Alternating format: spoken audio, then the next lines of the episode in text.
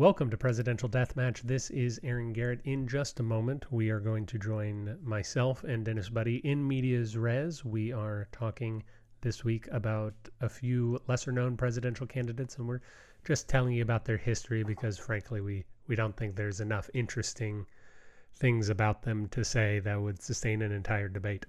So please enjoy that. And we will see you again next week for a special on the Prohibition Party of the United States of America. Well, I'm not a crook.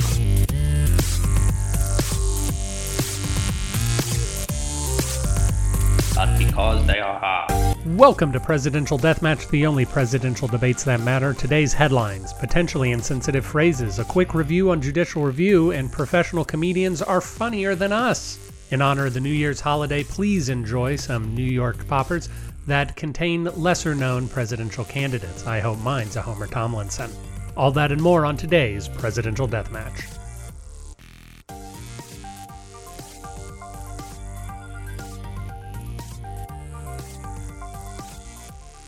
Sure, sure. Well, I am uh, winding back in time to our founding to talk to you about James Iredell. Excuse me. So I originally tried to find one from each century, and then I dropped off. Uh, actually, one of the guys you picked up, I, I originally had Krajewski as one of the guys I was going to talk about, but I dropped him, so I'm glad, glad you picked him up. Yeah, I spied your The your highlight. considerations. Yes. So I'm, I'm actually excited because there's a campaign song from him online, so I'll be able to put that in when you talk about him. So, Ah. but James Iredell, we're not there yet. We're talking about Mr. James Iredell. He was a one of the forgotten founding fathers because he wasn't George Washington or Benjamin Franklin. But he was born in 1751, and he received three electoral votes from North Carolina in the 1796 election. That is the election, first contested election, the one between Adams and Jefferson. And so he is one of these guys that has received electoral votes because of the weirdness of of our electoral politics prior to the 12th Amendment, Yeah. as opposed to the weirdness in our electoral politics post the 12th Amendment.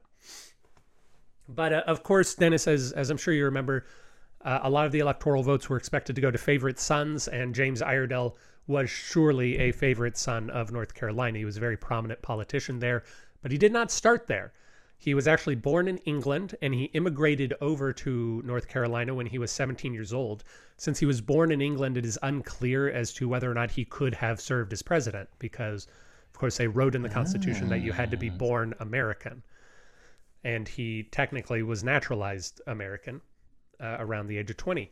He rose to prominence at the age of 23 with an essay challenging the supremacy of the British Parliament over America. So even though he was born in England, he was raised as an Englishman, he came over and very quickly went went native, to use a potentially insensitive phrase. And he he was a lawyer in in North Carolina in those days. Uh, after fashion, he started winning a lot of elections, and he started serving as judge in North Carolina. And uh, I found out that the the legislature of North Carolina went to him and said, "Hey, can you rewrite all of our laws? all of our laws are just it's it's a bit of a mess. We've been around a hundred years or so. Could you just sit down, simplify everything, rewrite the entire codex of laws?" Which he did. So Wow. James Iredell was the sole author of many of the laws of North Carolina for at least a time That's was- wild.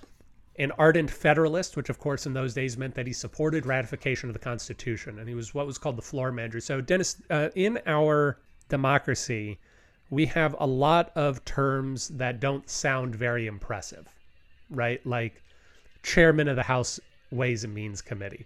It doesn't sound like an exciting job, but when you dig into it, it really is very exciting. Because that's like being in charge of like in operations. Yeah, but but I more mean like chair, whip, floor manager. These things don't sound. They sound kind of, eh, you know, Yeah. aldermen. They they don't sound exciting. So, but James Iredell served as the floor manager for the ratification of the Constitution in North Carolina in 1787 or so, uh, which meant he was the guy in charge of getting votes. He was the guy who was really trying to make this thing happen, which which I think is neat. However, despite his very hard work to get the state to ratify the Constitution, North Carolina didn't ratify the Constitution. They actually declined to ratify it. They would become the second to last of the original 13 colonies to ratify the Constitution, only doing so in 1789 after the Bill of Rights had been added to it. And in fact, there are some quotes from James Iredell that can be read as as very much in support of things like the Tenth Amendment, which protect enumerated rights not explicitly laid out, or unenumerated rights, I should say. Anyway, uh, all of this is why James Iredell is important in general. You know, he's he's a guy who has done things, but where he cements his place in history is in 1790. He becomes the last of the original Supreme Court justices. Ah, interesting. Yeah, he he is the last of I think five. I, I think George Washington appointed five before he stopped. He's the last of the first Supreme Court justices, and he's the youngest of them at the age of 38. So he becomes a Supreme Court justice at the age of 38 which is not the youngest ever. The youngest ever was 32 or 33. Uh, James Madison appointed him. And he would serve on the court until he died nine years later at the age of 48. Wow. And he had the second longest tenure of any of the original judges. So there was, he served for nine and change years. And there was one guy who served for 20, but everybody else uh, either quit or died beforehand. So James Iredell, uh, the, the, Supreme Court didn't hear a whole lot of cases back then. It's not like today when the Supreme Court hears quite a few cases. The Supreme Court only heard a few, and, and actually Supreme Court justices were still expected to travel around to circuit courts and hear lower level courts before coming back to the Supreme Court to hear. So he did not issue many opinions, oh, but we have uh, we have two notable dissents from him. So times that he was not in the majority. One of them helped establish one of the most long-lasting powers of the court, judicial review. Do Dennis, do you remember what judicial review is? Um, I I don't remember. So judicial review is the the assumption that courts can invalidate a law. They can say that the law is unconstitutional, therefore we as the courts can say that the law is null and void. I see, I see. And this power of the court was cemented in a case called Marbury versus Madison. But Iredell laid the groundwork for it in his dissent to the 1798 case Calder versus Bull. And the case really doesn't have the the case is a um, revolves around what's called an ex post facto law, which we're not going to get into. But basically, the state of Connecticut had created a law, and then they persecuted people under that law who had uh, done the action before the law was in place. That that was the thing is can you retroactively make something illegal, which largely in in America you cannot. But Iredell said this in his dissent. If any act of Congress or of the legislature of a state violates those constitutional provisions, it is unquestionably void. If, on the other hand, the legislature of the Union or the legislature of any member of the Union shall pass a law within the general scope of their constitutional power, the court cannot pronounce it to be void merely because it is, in their judgment, contrary to the principles of natural justice. So, what he's saying there is just because the court thinks a law is bad or wrong doesn't mean that they can get rid of it. If the law was passed under the normal course of legislature action, action I should say, then the, the court has to uphold the law. But he continues If then a government composed of legislative, executive, and judicial departments were established by a constitution which imposed no limits on the legislative power, the consequence would inevitably be that whatever the legislative power chose to enact would be lawfully enacted, and the judicial power could never interpose to pronounce it void. It is true that some speculative jurists have held that a legislative act against natural justice must, in itself, be void, but I cannot think that, under such a government, any court of justice would possess a power to declare it so. So, what he is saying is that if all laws are by definition just, if a legislator passes a law and that law must be held, then the courts really can't do anything. Thus, in order for the court to have any power whatsoever, it has to be able to nullify a law if it believes that the law is not in accordance with with other laws. In this case, mm -hmm. the mm-hmm. Constitution. Yeah. In addition, uh, he had another notable dissent in Chisholm versus Georgia, where he opined that citizens should not be able to sue states in federal court over non-federal matters. And although he was the minority for that case, that idea of his would later be vindicated and be used as the text for the 11th Amendment to the United States Constitution. So the first thing that they amended the Constitution with after the Bill of Rights was uh, this dissent that he had, saying that if you're a citizen, you can't sue uh, a government outside of your own uh, municipality. Ah, uh, yeah. Interesting. Indeed. Uh, we've got a few more. Dennis, do you so, want to tell us about Pat Paulsen? Well, I was gonna say, that um, I had tacked on just to briefly mention that Ellsworth is also on the list, Oliver Ellsworth, um, and he he's a very similar situation. He he was Chief Justice uh, for the latter part of Iredell's tenure, um, and was only Chief Justice for four years, from 1796 to 1800. And in 1796, he also got some electoral votes in a similar manner, but they were significant in that they caused Jefferson to beat Pinckney for vice president That's true. um, which is interesting. Um, and yeah, it was a brief brief tenure that the man had. Um, he's a he's definitely an interesting dude, uh, a behind the scenes founding father guy. But yeah, the most significant thing that that he did as chief justice, or that happened during that time, was practice of the court conferring and then presenting one opinion instead of everyone on the court presenting, like writing and presenting an uh, opinion. they're on a single opinion. Interesting. yeah, yeah, which uh, stands to to be the same today. So yeah, so Oliver Ellsworth, uh, interesting fellow. I remember him from our Chief Justice days, and I was hoping that he was that one who uh, got who didn't get confirmed. Like, Oh, that's like Roger Taney or something. I, I something. looked him up. Yeah. and then had a emotional crisis. Yeah. Um, Pat Paulsen, though, you ask. I do ask. Pat Paulsen. Yeah. So I think he's not on the spreadsheet. So this is uh, not on our list of people. So this was going out there. But my going rogue. I was yeah, I was talking to Al and Nancy, friends of the pod, and Al said, "Well, you got to talk about Pat Paulsen." And so I looked him up, and he's uh, kind of like how Stephen Colbert recently, or I don't know that recent anymore, but he ran for president. You know the whole thing. Yeah, Or like our friend. Andrew Heaton, who appeared on the podcast. the Yes. Andrew Heaton, um, Donald Trump. Yeah, people who ran satirically for president. He did that. He kind he kind of originated that whole thing. Pat Paulsen. He was um, part of the Smothers Brothers Comedy Hour, which is like where Steve Martin got his start. It's like a classic sketch uh, and comedy variety show thing from back in the day. They had a a joke that they tried out on one of their shows in the '60s um, for Pat Paulsen to do, and where what that was like a political ad joke, and they thought it was really funny. Apparently, CBS refused to air it, but they still thought it was funny, and then they that basically pursuing that character led them to decide to have Pat Paulsen actually campaign, and then he kept running for president from then until uh, like his death. So Oh, which wow. was in 1997.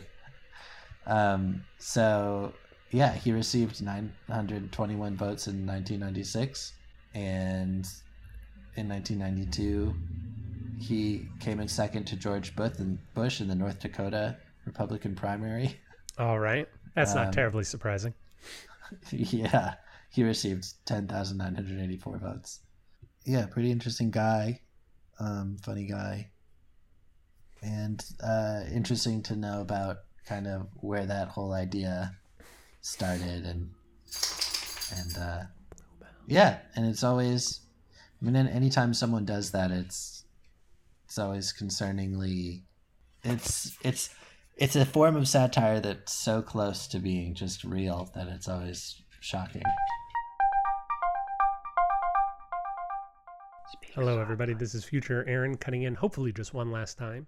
We are about to play some clips from Pat Paulsen, one from an appearance in 1968 on the Smothers Brothers show, and one from their 20th anniversary in 1988. Now, usually we like to keep the clips a little bit short, but it turns out that Pat Paulsen, being a professional comedian, is a little bit more entertaining than either Dennis or myself, and he really gets the spirit of presidential deathmatch. So we're going to be playing larger sections of both clips, and we hope that you enjoy them. Ladies and gentlemen, the next President of the United States, Mr. Patrick Layton Paulsen.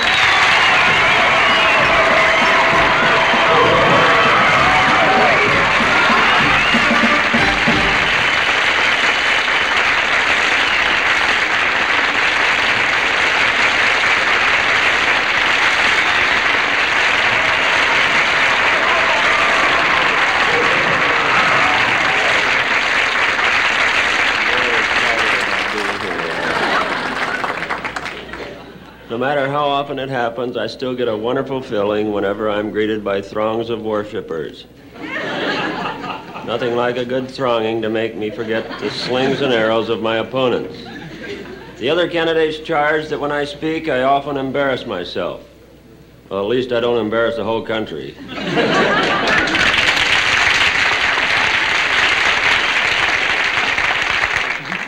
this nation is divided as never before. The Democrats alone are split into three political factions the new left, the old left, and what's left. Even the Wallace Party is split into two camps high camp and low camp. Nixon and Humphrey are telling everyone the big issue is law and order. Wallace says the big issue is plagiarism. I know that a great deal of mud has been slung in this campaign. Look at what the Democrats have done to poor Richard Nixon. I'm sure you've seen those bumper stickers that say Nixon's the one. I don't care if he is one. That's dirty politics. For all I know, Humphrey may be one too.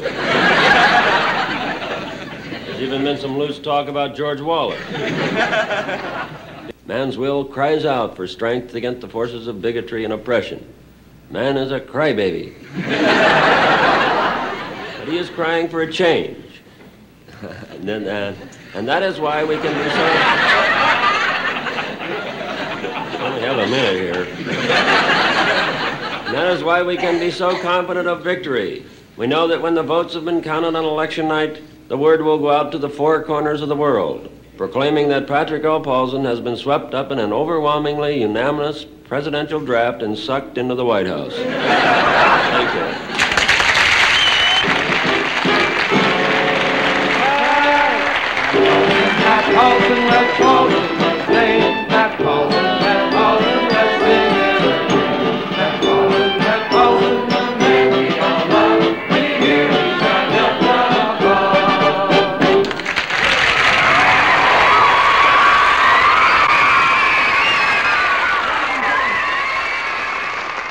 Welcome to our reunion show, former presidential candidate Patrick Layton Paulsen.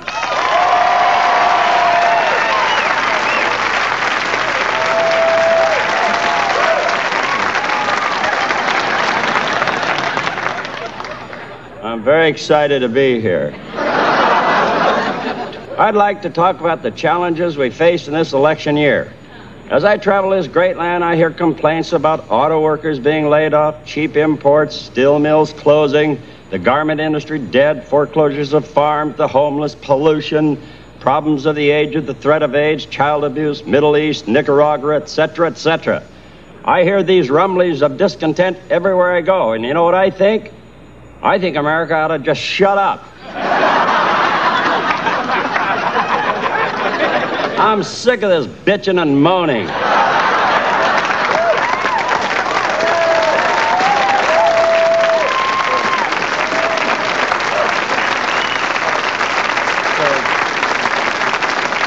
So shut up, America. If you don't like what's going on, get off of your butts and find somebody to take care of these problems.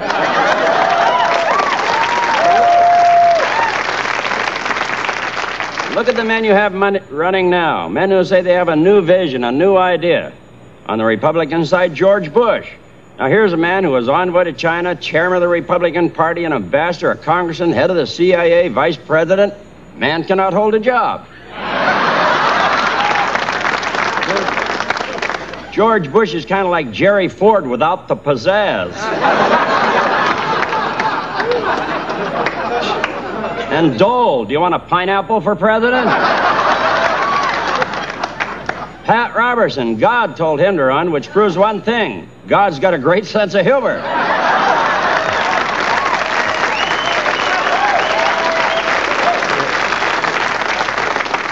Pat doesn't have a prayer. On the Democratic side, we have uh, Gary Hart back in the race. Now, Gary Hart gave new meaning to the old expression walk softly and carry a big stick. I'll tell you one thing, you'll never catch me fooling around.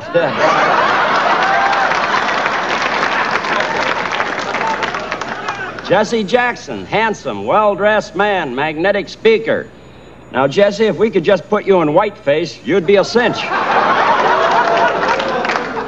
Dukakis, where'd he get that name? Out the bottom of an eye chart? Dukakis, what a name for president. I mean, where are the Washingtons and the Jeffersons and the Johnsons? Well, they're playing basketball, most of them.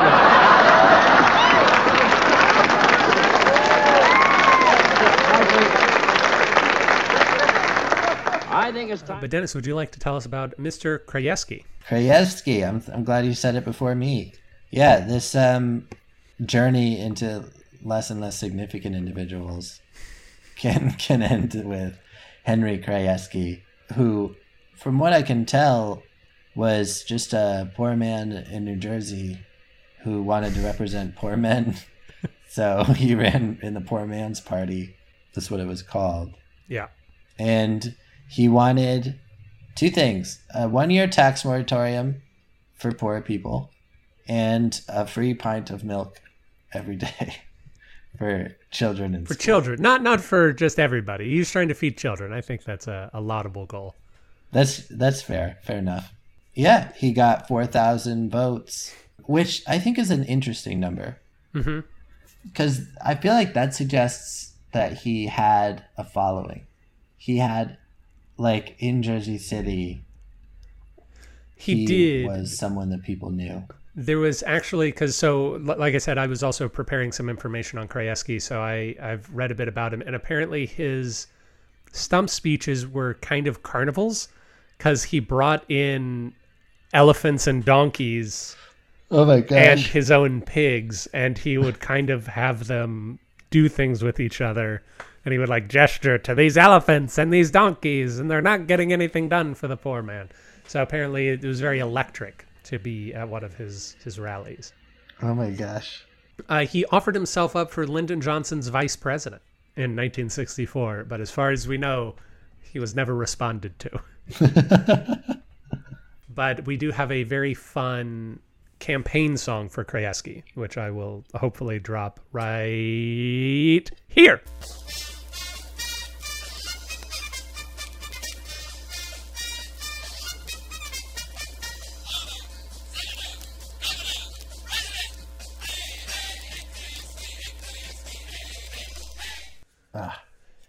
Love it. Yeah, energetic. Yes, indeed. He had what he he had everything that he needed. He just needed uh he needed a, a pack behind him. Indeed. And that is our show. Thank you so much for joining us today. We hope that you enjoyed this delve into a few lesser men who have run for president. Please join us again next week for our discussion on the Prohibition Party of the United States of America.